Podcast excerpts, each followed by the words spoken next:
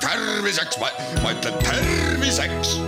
saade valmib koostöös Ida-Tallinna Keskhaiglaga, vaata ka itk.ee tere, head Kuku kuulajad, eetris on saade Terviseks ja me räägime täna taastusravist. mina olen Ingela Virkus ja koos minuga on stuudios Ida-Tallinna Keskhaigla ambulatoorse taastusravikeskuse juhataja Katrin Olo-Laansoo, tere! tervist! Millega tegeletakse taastusravikliinikus? taastusravikliinikus tegelevad spetsialistid inimese tervise taastamisega. laias laastus me kliiniku võib jagada kaheks keskuseks.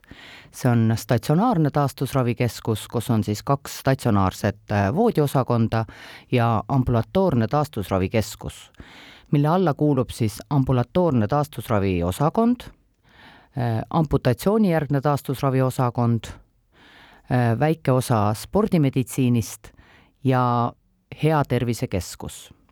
oma ambulatoorset teenust me osutame nii Magdalena üksuses kui Ravi tänava üksuses kui ka väikeses mahus Järve üksuses kes siis teie peamised patsiendid on või kes teie juurde juba jõuavad, et ma saan aru, et te ütlesite, et taastusravikeskuses, nagu nimigi ütleb, tegeletakse inimese taastumisega, ehk et inimesel justkui nagu siis on juba mingisugused terviseprobleemid olemas või? meie juurde satuvad jah, inimesed tõesti äh, enamasti, kui neid on tabanud mingi äh, terviserike või haigus ja peale seda nad vajavad taastumist.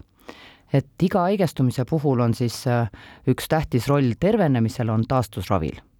ja inimesed, kellel on vaja oma funktsioone või võimekust taastada, nemad siis meie juurde tee leiavadki millised on siis näiteks sellised äh, levinumad ähm, õnnetused, mille järel vajab inimene taastumist ja jõutaksegi just äh, teie keskusesse? levinumad õnnetused või, või siis terviserikked on ikka kõik sellised ägedad terviserikked, mis on siis kas kirurgilised vahelesegamised, operatsioonid, inimesel on juhtunud mingi trauma, äh, peajuinfarkt, südameinfarkt, kõik sellised tõsised haigused, aga on ka äh, kergemaid äh, funktsioonihäireid või funkt-, ajutist funktsiooni kadu, mille puhul siis inimene vajab taastusravi ja aktiivset taastumist kuidas nad teieni jõuavad, et äh, kas perearsti saatekirjaga või mingil muul moel? enamalt jaolt patsiendid meieni jõuavad siis kas eriarsti või perearsti suunamisel. kas siis statsionaarselt ravilt otse või ka perearsti kaudu, et inimene on juba kodus nii-öelda taastumas ja ta vajab lisaks veel taastusraviprotseduure kuidas arst selle otsuse teeb, et nüüd vajab patsient ambulatoorset, just ambulatoorset taastusravi?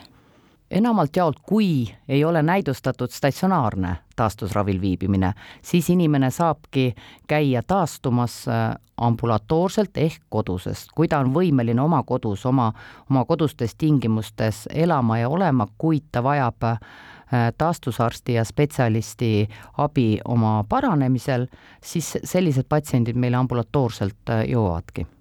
kui pikk võib olla selline taastusravi tavaliselt? mõne näite puhul äkki? see on väga-väga varieeruv, et äh, siin on mitmed tegurid, et on inimese enda motiveeritus, inimese vanus tihtipeale loeb, äh, siis haigus, mida ta põeb või millest ta äh, vabaneda, terveneda soovib, peab saama, et taastusravi võib kesta kuni kolm, neli, viis, kuus kuud. kiirematel juhtudel tõesti ja võib-olla kergemate Äh, nähtude puhul saab inimene hakkama ka kuu ajaga. Ise sealjuures väga aktiivselt äh, kaasa ja koos töötades. et oma vastutus on kindlasti, taastusravi puhul on kindlasti see, et inimene peab olema meil piisavalt motiveeritud. mida inimene peamiselt siis äh, tavaliselt tegema peab kodus või millest see kodune nii-öelda iseseisev ravi, taastusravi koosneb? et kõigepealt on nii, et inimene tuleb siis taastusarsti vastuvõtule see on esmane käik meil taastusravi puhul, taastusraviarst äh, teeb esmase raviplaani ja määrab seejuures ka kõik protseduurid, mida inimene siis saama peaks. sinna hulka kuulub äh, kindlasti füsioteraapia, kelle puhul vajalik ka tegevusteraapia ja erinevad võib-olla siis aparaatsed äh, füsioteraapia mm, protseduurid, mis aitavad siis haigusest terveneda milliseid protseduure täna pakutakse ambulatoorses taastusravikeskuses?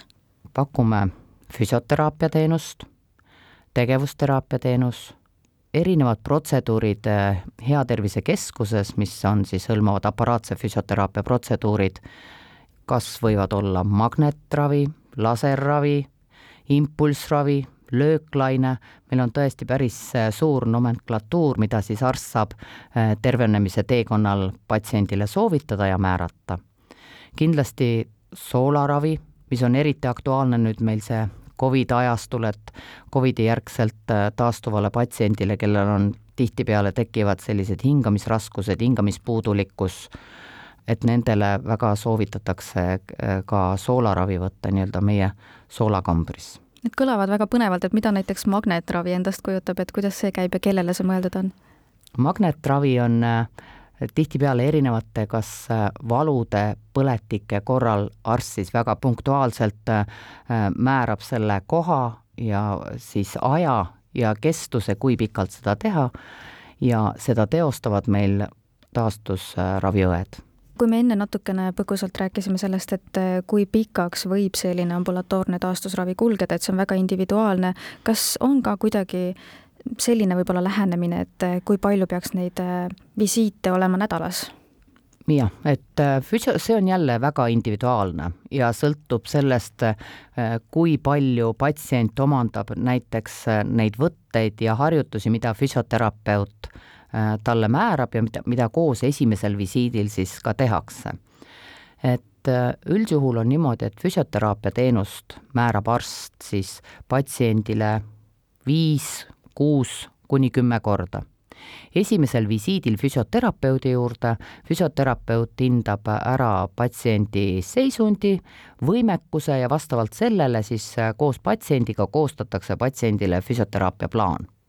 Ja antakse kätte harjutuste seeriad, mida patsient siis koos füsioterapeudiga esimesel visiidil läbi teeb ja edasi siis ka nõuanded, kui sagedasti ja millise rütmiga ta neid kodus jätkab ja füsioterapeudi juurde tagasikäik, nii-öelda kordusvisiit võib jääda alles äh, nädala või isegi pooleteise pärast. et siis koos juba vaadata, kuhuni patsient on oma harjutuskavadega jõudnud ja kui palju tema võimekus siis on taastunud ja kas probleem hakkab nii-öelda leevenduma aga kui me rääkisime ennem siin aparaatse füsioteraapia protseduuridest, mis siis olid äh, laserravi, impulssravi ja, ja teised erinevad ravid, et siis nende puhul on, et arst määrab seal sageduse ja tavaliselt need ongi siis üks kuni viis, mõni protseduur ka kümme korda ja need võivad kesta tõesti nii, et iga päev patsient mingil kellaajal saab siis ühe protseduuri. mõned nendest protseduuridest on ka väikese intervalliga, aga see kõik selgub juba siis, kui patsient on taastusravi arsti visiidil käinud. me jätkame oma vestlust juba homme kell neliteist nelikümmend viis.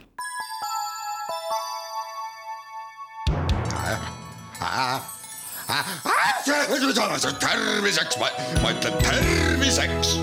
saade valmib koostöös Ida-Tallinna Keskhaiglaga, vaata ka itk.ee